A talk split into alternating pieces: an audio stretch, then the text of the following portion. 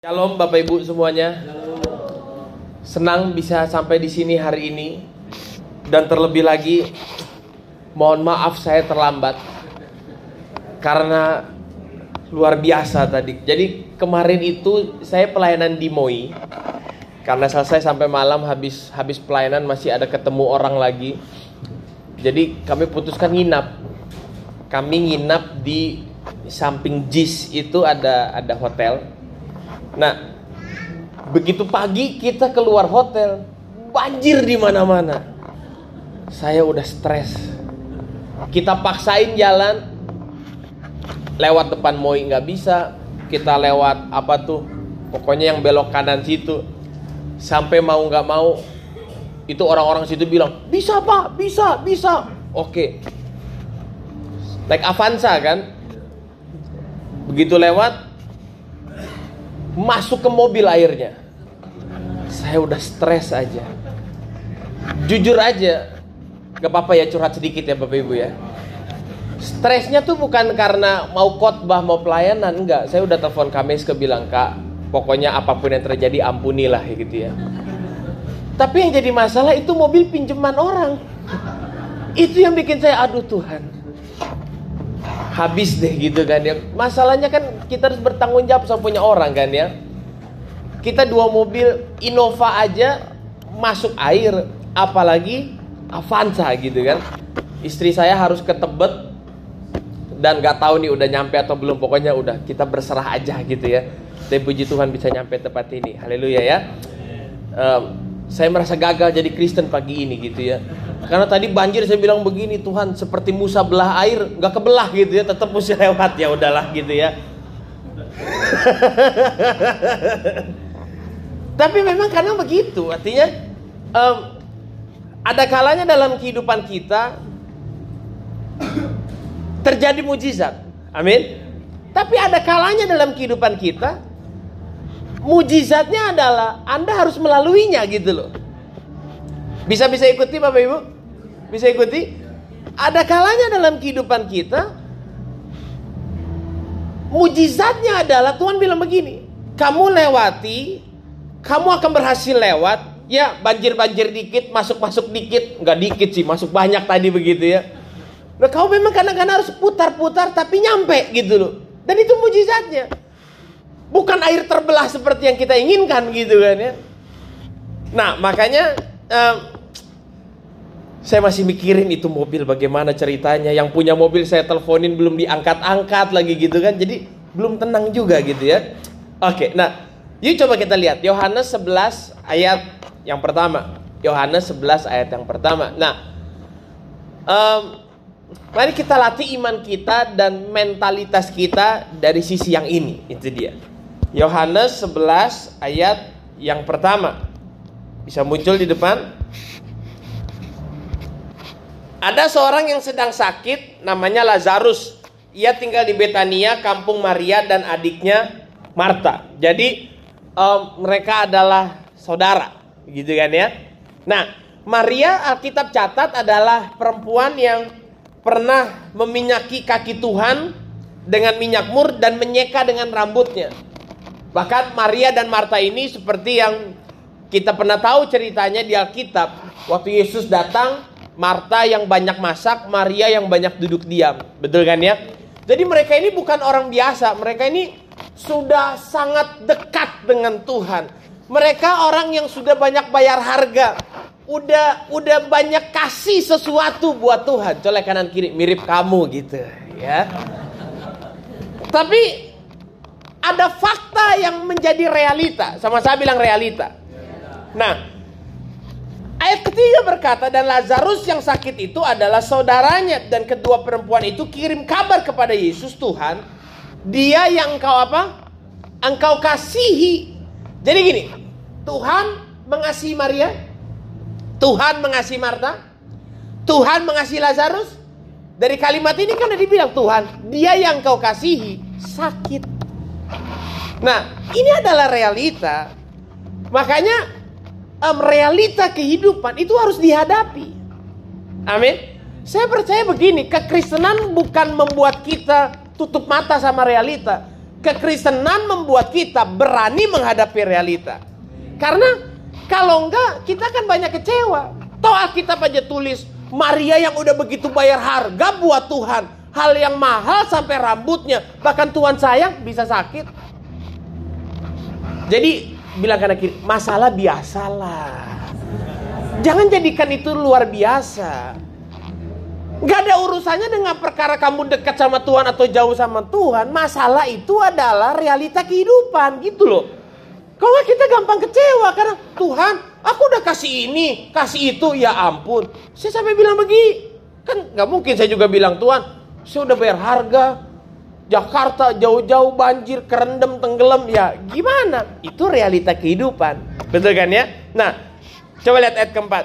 Makanya, tapi gini, di balik realita itu, makanya kita jangan gampang nilai Tuhan dulu. Amin. Jangan gampang menilai Tuhan seakan-akan wah ini mah parah, wah ini mah gawat. Jangan. Karena ketika Yesus dengar kabar itu, dia berkata gini, penyakit itu nggak akan bawa kematian, tapi menyatakan kemuliaan kemuliaan Allah. Makanya ini mentalitas yang harus kita taruh Pak Bu. 11 bulan ke depan pasti Anda akan kena masalah. Kurang amin kalau begitu ya. Pasti ada lah kesedihan, pasti ada kekecewaan, ada marahnya, tekanan ada, pergumulan ada. Ada. Saya nggak perlu doain aja pasti ada. Mau anda tengking bagaimana? Pasti ada. Tapi mentalitas kita harus tahu percaya begini bahwa kalaupun terjadi sesuatu yang terjadi itu nggak akan bikin kematian sama saya. Apalagi saya di dalam Tuhan. Nah, mentalnya kita harus begini. Kalau saya di dalam Tuhan, bukan saya nggak punya masalah, tapi masalah nggak akan membawa kematian buat saya. Yakinlah itu. Yang bikin Anda mati bukan masalah, tapi pikiran kita sendiri. Ketakutan kita sendiri. Ketidakpercayaan kita sendiri. Toh kita udah bilang kok, iya penyakit, tapi penyakit itu nggak akan bawa kematian. Amin. Nah, lihat berikutnya. Yesus memang mengasihi Marta dan kakaknya dan Lazarus. Namun, waktu didengarnya Lazarus sakit, nah, sisi ini kita harus belajar ada muncul kata begini. Ia Yesus sengaja sengaja nggak langsung datang untuk sembuhkan Lazarus. Sengaja, Bapak Ibu tahu kata sengaja kan? Sengaja. Anda sakit nih, telepon pelayan Tuhan di sini, Bapak Gembala misal. Pak, tolong Pak, kritis Pak, udah mau mati. Tolong datang doa Pak. Lalu terdengar kabar, Bapak Gembala sengaja tidak langsung datang. Apa respon kita? Memang gedung ini gereja cuma satu. Atas sampai bawah gereja semua. Tapi satu sisi ini kita harus pelajari. Supaya kita gak gampang kecewa. Colek kanan kiri. Makanya jangan tidur di gereja. Supaya bisa ngerti Tuhan itu dia. Amin. Kalau kalau kita nggak kalau kita nggak kenal, kita nggak pahami gitu ya, kita nggak renungkan satu sisi ini ada. Nah, saya meyakini begini, Tuhan Yesus tidak pernah meninggalkan kita sedikit pun. Amin. Tapi untuk sebuah tujuan, ini dari sisi kita loh. Ya, karena ini akan terjadi perdebatan. Nanti Anda akan bilang begini, enggak Pak, Tuhan nggak pernah ninggalin kita. Ya udahlah, ya dari sisi Tuhan, Tuhan tidak pernah meninggalkan kita. Tapi dari sisi kita, ternyata kadangkala dalam kehidupan kita harus mengalami hal-hal ini. Nah, coba kita lihat dulu. Kita lihat dulu. Um, ayat berikutnya. Tetapi sesudah itu, ia berkata sama murid-murid setelah apa? Setelah dua hari, yuk kita kembali ke Yudea. Oke? Okay? Jadi kalau Anda alami apa-apa, pasti ada masa tunggu, itu aja. Gak usah khawatir, akan ada waktu di mana pasti Tuhan datang, ada pertolongan. Bahkan di ayat 11 berkata begini, demikianlah perkataannya, sesudah itu lalu ia berkata kepada mereka, Lazarus saudara kita telah tidur. Rese banget Yesus ya, menyepelekan hal besar. Orang kabar sudah terdengar mati, sakit keras, mati. Tapi Tuhan cuma bilang tidur. Itulah makanya Anda mau lebay bagaimana, nggak akan bikin Anda mau nangis darah sekalipun, nggak akan bikin Tuhan lebih cepat tolong saudara. Karena perkara di hadapan kita, sama perkara di hadapan Tuhan lain. Waktu semua orang bilang Tuhan mati, mati. Dalam hati Tuhan berlebihan, cuman tidur. Takutnya gitu. Kita udah nangis-nangis darah seakan-akan paling beban, beban berat seakan-akan paling wah. Padahal Tuhan bilang begini, masalahmu nggak berat, kamu terlalu lebay, itu aja gitu. Nah, sama kayak murid-muridnya juga kayak nggak percaya. Tuhan, cuman tidur. Enggak lah, dia mati. Makanya ayat 14 akhirnya muncul perkataan ini. Karena itu Yesus berkata dengan terus terang, Lazarus sudah mati. Ayat 15 yang keren. Tetapi syukurlah.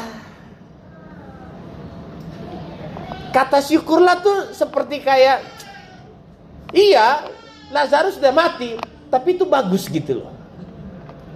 Makanya itu oleh kanan kiri bilang begini, memang muka kayak kamu paling bagus gitu ya. Kalau alami-alami pergumulan, tantangan. Sebab demikian apa? Lebih baik bagimu supaya kamu dapat belajar percaya. Sama-sama bilang belajar percaya. Makanya ikut Tuhan itu belajar percaya. Tolong, tolong, tolong. Berhenti belajar ngambil gitu loh. Berhenti jadi perampok dalam gereja yang datang cuma sekedar belajar ngambil.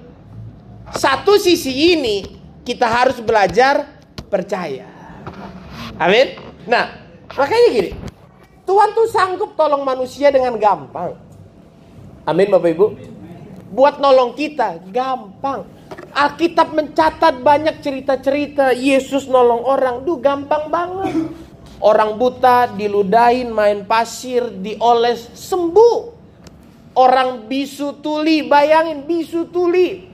Tuhan colok kuping ke eh colok kuping. Tuhan colok tangannya ke dalam kupingnya. Cok. Ada apa dalam kuping? Bahasa Yunaninya conge itu dia. Terus Alkitab catat kok. Dia raba lidah orang itu. Raba dengan apa? Tangan. Tangan bekas apa? Conge tadi kan. Kemudian dikatakan Yesus meludahi mulut orang itu. Orang itu sembuh. Yesus main ludah aja orang sembuh. Kita udah doa, puasa, doain orang, mati orang kadang-kadang gitu kan. Um, tapi mungkin cara itu boleh Pak dipraktekkan Pak. Kalau dia bilang, Pak doain saya, oke. Okay. Kira-kira gimana Bapak Ibu kalau begitu? Minta didoain, terus malah gembalamu, Kira-kira gimana? Pasti kan gini, gak sopan. Masa diludahin? Gak ada tata krama, gak ada etika. Sekarang pertanyaannya begini. Pertanyaannya begini. Anda mau didoain ya pakai minyak narwastu yang asli dari Israel. Wangi tapi nggak sembuh. Apa pilih diludahin tapi sembuh? Tuh kok kayak bingung sih? Pilih yang mana? Jangan pilih pakai pakai narwastu tapi sembuh itu namanya benar-benar keterlaluan itu dia. Pilih-pilih pilih mana coba? Artinya kan gini. Tujuan lebih penting daripada cara. Setuju gak Bapak Ibu? Apa jangan-jangan kita tipikal orang yang lebih penting cara daripada tujuan? Nyampe nggak nyampe nggak apa-apa deh. Yang penting caranya harus baik, sopan, caranya harus benar, bagus. Enggak kan? Tujuannya yang paling penting.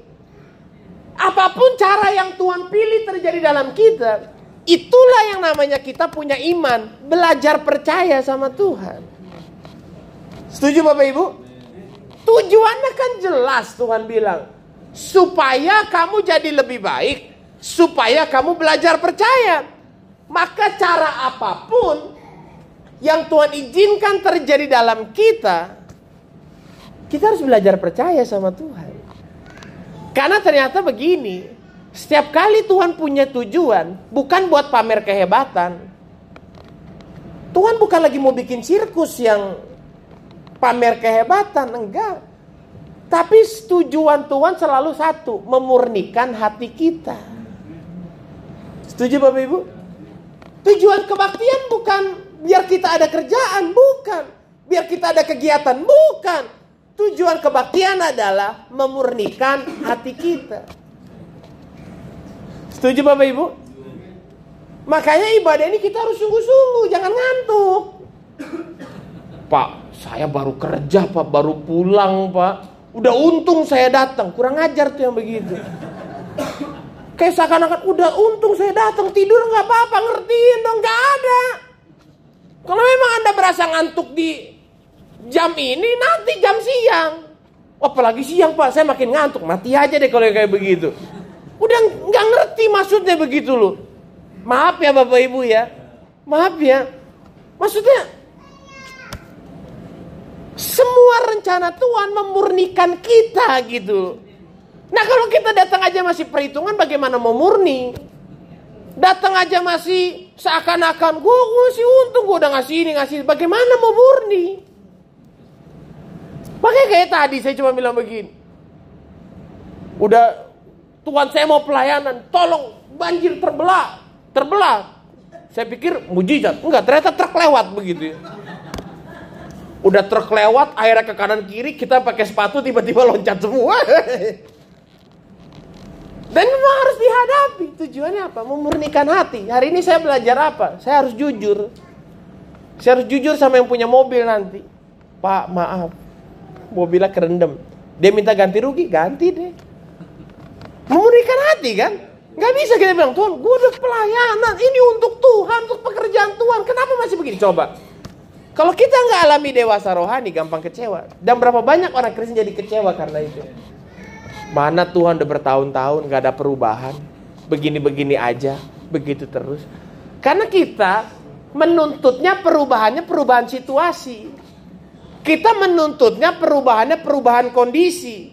Yang padahal sebetulnya dalam dalam dalam pandangannya Tuhan yang dia mau ubah hati kita lebih dulu. Amin. Cara kerja Tuhan tuh jauh melebihi cara kerja kita. Itu namanya iman. Iman adalah belajar percaya dengan cara Tuhan. Bukan pegang handphone dalam nama Yesus S20 Ultra. Aku percaya Tuhan. Itu bukan iman. Itu namanya celamitan itu namanya. Tahu celamitan Bapak Ibu ya? Pegang mobil diusap-usap, injak tanah, apa yang ku injak jadi milikku. Enggak. Kamu bayar dulu jadi milik kamu. Enak aja diinjak-injak jadi milik. Iman adalah belajar percaya sama cara yang Tuhan pilih sama kita. Amin. Makanya gini, nah ini dari sisi kita. Bapak Ibu setuju nggak dengan saya? Bahwa kadang-kadang nih kita dengan bandelnya kita, degilnya kita, termasuk saya, pendeta, biar adil sama-sama, kita semuanya. Ada kala di mana kita mulai lupa diri. Nah, kita perlu ini. Kita perlu Tuhan tinggalkan kita supaya seakan-akan kita kembali perlu pengharapan. Setuju nggak? Kalau saya ingat-ingat lagi, saya mulai berpikir Tuhan, kayaknya hari inilah kembali untuk mau khotbah. Doa persiapan saya panjang banget. Udah jarang tuh. Hari ini tadi, waduh, dari dari keluar hotel dari jam dari jam 7 kita udah basaro terus oh, bah, bah, sampai bukan karena mau khotbah karena air masuk gitu ya. Tuhan tolong Tuhan. Mungkin, betul nggak? Mungkin. Bapak Ibu kayak langsung lihat kayak salah pendeta nih, pendeta berdosa begitu ya. Ya mungkin. Kita nggak ada yang tahu. Dalamnya hati kita kan Tuhan yang tahu. Bapak Ibu mau lihat sekarang saya baik-baik keren, tapi nggak tahu. Siapa tahu Tuhan melihat dari dari sorga sana. Tuhan melihat, Tuhan melihat di dalam hati saya. Mulai sombong dia anak. Gua kasih banjir lu. Gak juga sih yang terima yang terima banjir kan juga banyak gitu kan. Tapi pasti ada tujuan Tuhan yang tujuannya memurnikan hati kita. Nah, kita perlu alami ini supaya kita kembali butuh Yesus setiap saat. Gini-gini Bapak Ibu. Tuhan gak mau cuma sembuhin Lazarus. Tuhan mau bangkitkan Lazarus. Lebih dari sembuh kan? Betul nggak? Tapi berarti Lazarus perlu mati dong. Itu yang begini agak lemes. Tadi, ya, amin. Tuhan mau kasih lebih. Minta Innova, minta Avanza dikasih Innova. Bukan itu. Tapi untuk sebuah mujizat yang lebih, berarti Lazarus mesti mati. Kalau cuma sehat, cuma sembuh. Tapi kalau mau spektakuler, harus harus mati. Contoh, tahu yang namanya Samuel? Samuel itu nabi besar Israel. Dia um, apa namanya? nabi yang mengurapi raja pertama dan kedua bangsa Israel. Nah, Samuel ini ada ceritanya. Ceritanya ada seorang wanita yang namanya Hana. Hana kan juga bagus ya. Banyak orang Kristen namanya Hana kan. Jadi Hana ini punya madu namanya Penina. Penina anaknya banyak. Nah, Penina tiap hari nyakitin hati Hana. Sampai akhirnya Hana tuh berdoa, terus berdoa bertahun-tahun berkali-kali datang ke Yerusalem berdoa dan akhirnya lahir Samuel. Terus dalam cerita ini kita selalu bilang begini, Penina orang jahat. Jarang orang Kristen namain anaknya Penina kan. Kayak jahat gitu. Yang disakiti Hana. Coba, tapi bayangkan gini. Bayangkan kalau Penina nggak jadi orang jahat. Bayangkan kalau Penina menjadi orang yang baik, dia sayang sama Hana, dia bilang Hana, kamu gak usah khawatir, meskipun kamu gak punya anak, kamu jangan takut, kamu jangan kecewa. Hana berdoa gak kira-kira? Hana nggak berdoa, lahir Samuel nggak? Nah, mau dikasih nama apa tuh sekarang yang Samuel Samuel itu? Betul kan? Jadi menurut saya dari cerita ini pahlawannya Penina. Karena Penina mau dipakai jadi tokoh jahat yang supaya Hana berdoa. Setuju nggak Bapak Ibu? Betul nggak sih? Makanya nanti pulang beli roti, kirim kepada orang-orang jahat di hidup Anda itu. Karena tanpa mereka nggak ada yang baik dalam saudara. Kurang amin begitu ya. Kurang amin. Berhenti gampang bilang begini, dasar memang setan lu, memang lu setan ganggu terus hidup gue. Ja, bukan. Mereka adalah malaikat-malaikat Tuhan. Memang rupa dan wujudnya setan gitu ya. Tapi itu malaikat Tuhan gitu loh. Karena lewat mereka sesuatu dalam kita keluar.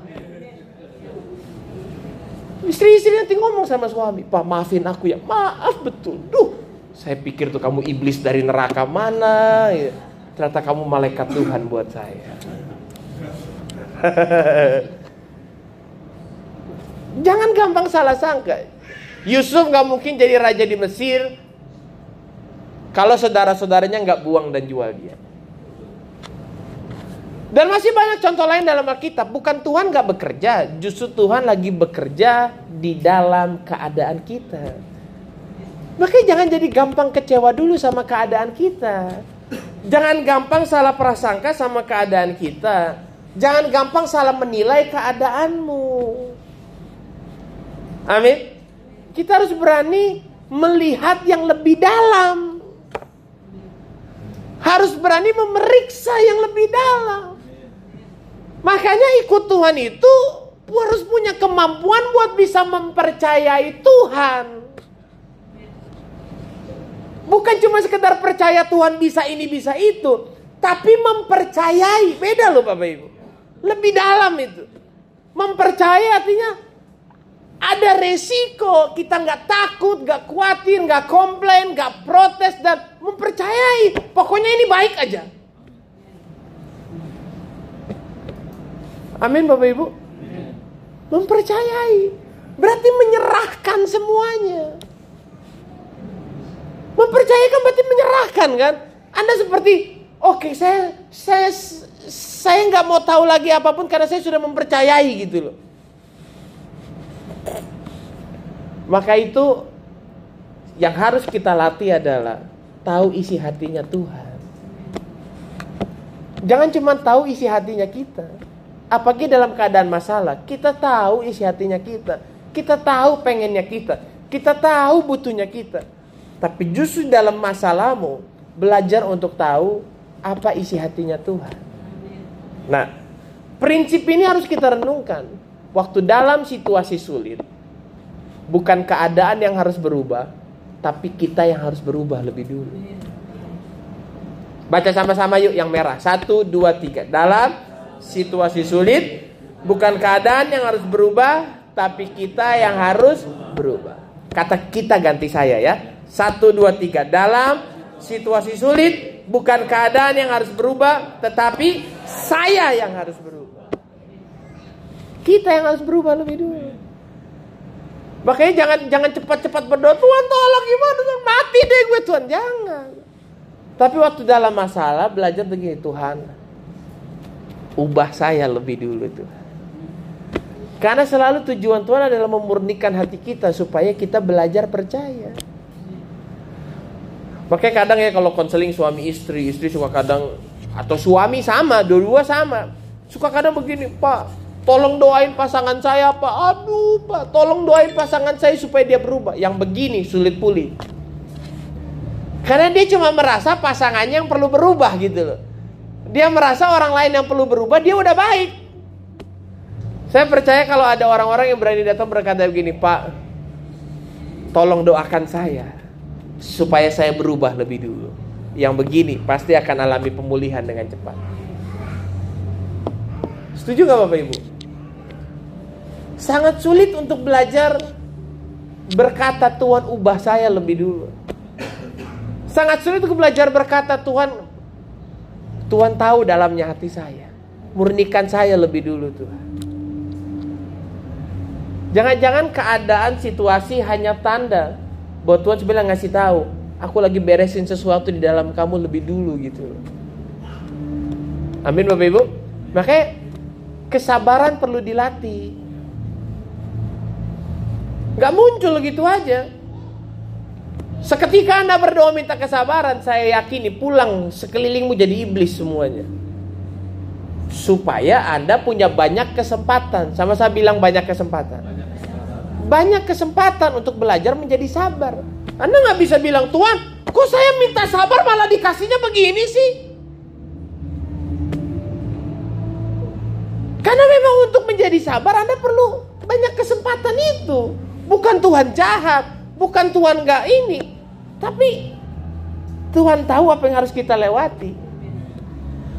Iman perlu diuji, hati perlu dibentuk, kirbat perlu diperbarui. Setuju Bapak Ibu? Jadi kita kan setiap kali ibadah kan karena kita ngomong ini kan Tuhan beri aku kesabaran Beri aku iman Beri aku hati Beri aku kirbat. Berarti Anda harus alami ini Dilatih, diuji, dibentuk, diperbaharui. Dan Anda nggak bisa berpikir Saya pengennya yang instan Pak. Asal udah tumpang tangan, jatuh, geleper-geleper Lalu berarti sudah dilatih, diuji, dibentuk, diperbarui Nggak bisa itu mimpi aja namanya.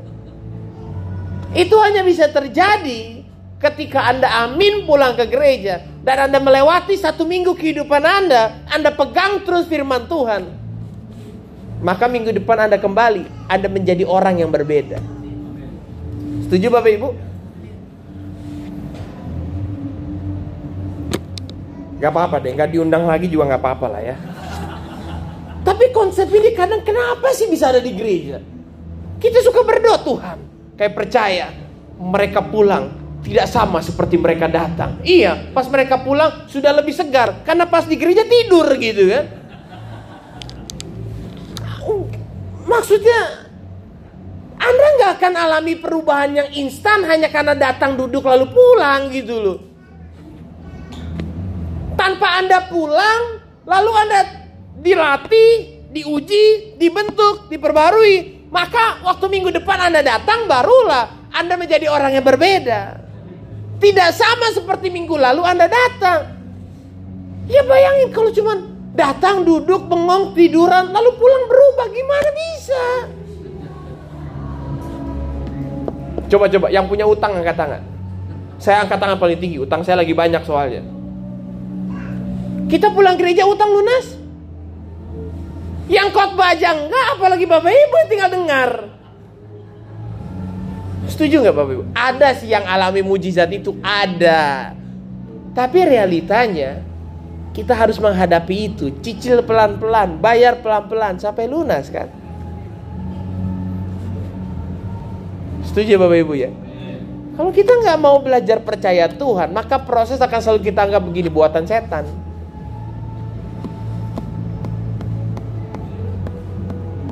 Enggak lah. Kita harus bisa melihat sebuah tujuan di dalam itu. Ternyata itu ada buat memurnikan hati saya. Mungkin saya som udah mulai sombong tanpa saya sadari. Mungkin saya udah mulai sok tahu tanpa saya sadari. Mungkin saya udah mulai sok jago tanpa saya sadari. Makanya habiskan waktu ke, untuk melihat apa yang bisa kita kerjakan. Maka Tuhan nanti akan kerjakan bagiannya. Jangan urus yang bagiannya Tuhan gitu loh. Kerjakan yang bagian kita. Apa bagian yang nampak ada-ada di hadapan kita? Lewat firman Tuhan bilang kita, kamu harus lebih sabar, kamu harus lebih percaya, kamu harus tetap bersuka cita, kamu harus banyak bersyukur. Itu dari bagian kita, lakukan. Gak usah nanya-nanya sama Tuhan, kapan Tuhan, kapan inget-ingetin Tuhan. Saya mau tanya, yang lebih sering lupa Tuhan atau manusia? Tuhan apa kita yang lebih sering lupa? Terus kita yang lebih sering lupa, soal-soal ingetin Tuhan. Kurang ajar nggak tuh namanya? Yang lebih sering ingkar janji Tuhan atau kita?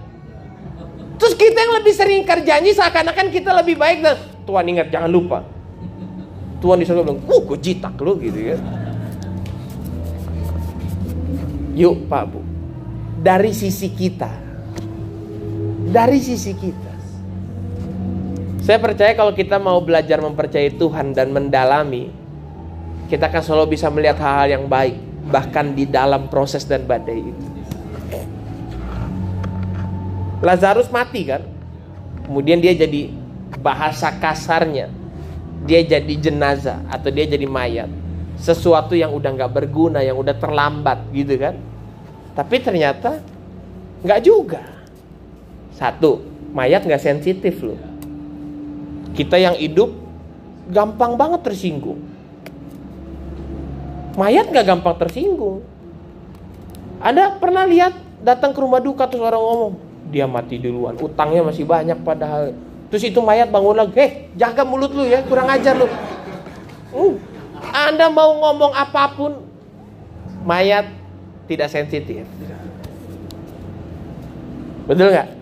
Kita yang hidup, ah, nggak disalapin aja tersinggung kan nggak ada. Mayat nggak berontak. Pokoknya posisi udah begini, udah begini. Apa pun posisi yang diberi sama dia, dia nggak berontak, nggak garuk-garuk, nggak pegel-pegel, enggak, udah tenang aja. Kita Disuruh ini berontak, disuruh itu berontak. Diposisiin begini ngelawan, diposisiin begitu. Colek kanan kiri bilang, jangan pura-pura nggak denger gitu. Mayat tenang, nggak gampang panik. Kuburan belum bayar, peti belum lunas, mayat mah tenang, nggak panik. Keluarga yang panik gitu kan.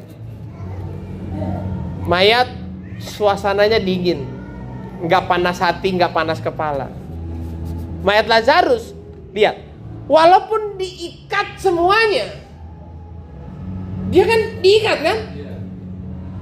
Waktu Yesus bilang Lazarus keluar, maka Alkitab catat keluarlah Lazarus. Nah yang nggak jelas bagaimana cara keluarnya. Entah dia lompat-lompat, entah dia guling-guling, entah dia seret-seret. Pokoknya yang Alkitab catat, Lazarus keluar. Bahkan Alkitab catat, setelah Lazarus keluar, barulah orang-orang di sekelilingnya membuka membuka kainnya itu dia. Jadi waktu Lazarus keluar masih masih tertutup dengan kain. Bapak kalau nggak percaya lihat Yohanes 11 ayat 44. Kaki tangannya masih terikat, mukanya tertutup. Baru setelah dia keluar, baru Yesus berkata begini. Bukalah kain-kain itu dan biarkan dia pergi. Coba lihat. Nah, betul ya? Orang yang telah mati itu datang ke keluar. Lazarus nggak bilang tuh dari atas dari dari dalam gua kuburan itu. Woi, bukain dulu dong. Enak-enak aja suruh keluar. Keikat nih. Lepasin dulu dong. Tolongin dulu dong. Bisa tangkap nggak Pak Bu? Kita kadang gitu kan. Ayo pelayanan. Berkatin dulu dong. Sembuhin dulu dong. Mujizatnya dulu dong. Ayo setia. Mana tunjukin dulu dong. Lazarus beda. Dia langsung taat dan melangkah keluar.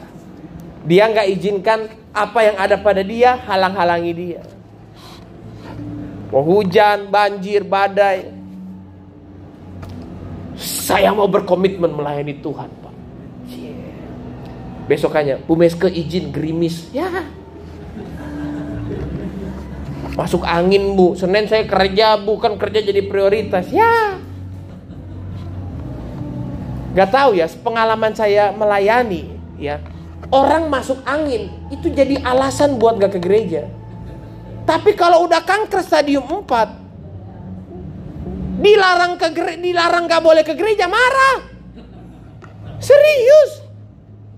Orang kalau udah sakit parah, udah stroke menyon-menyon, udah istirahatnya di rumah, enggak, gereja, gereja. Gereja masih sehat. Ih. Soal kanan kiri, dia tahu aja tuh itu lu gitu ya.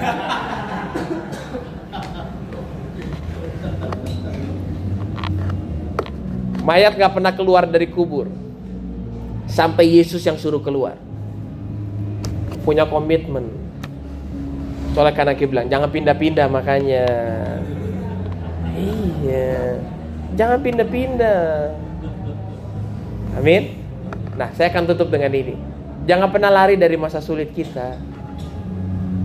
Ya Memang menghadapinya kadang kita melihat aduh Tapi jangan pernah lari. Masa sulit membentuk karakter dalam kehidupan kita. Tuhan punya rencana sama kita. Meskipun untuk bentuk hidup kita dia harus utus orang-orang yang mempersulit hidup kita. Dia harus sepertinya ada keadaan yang mempersulit hidup kita. Percayalah sama Tuhan. Amin Bapak Ibu. Bisa belajar sesuatu pagi hari ini. Yuk, bangun hati dan mentalitas kita. Kita belajar percaya Tuhan sungguh-sungguh. Amin buat firman Tuhan. Yuk mari kita tunduk kepala kita berdoa.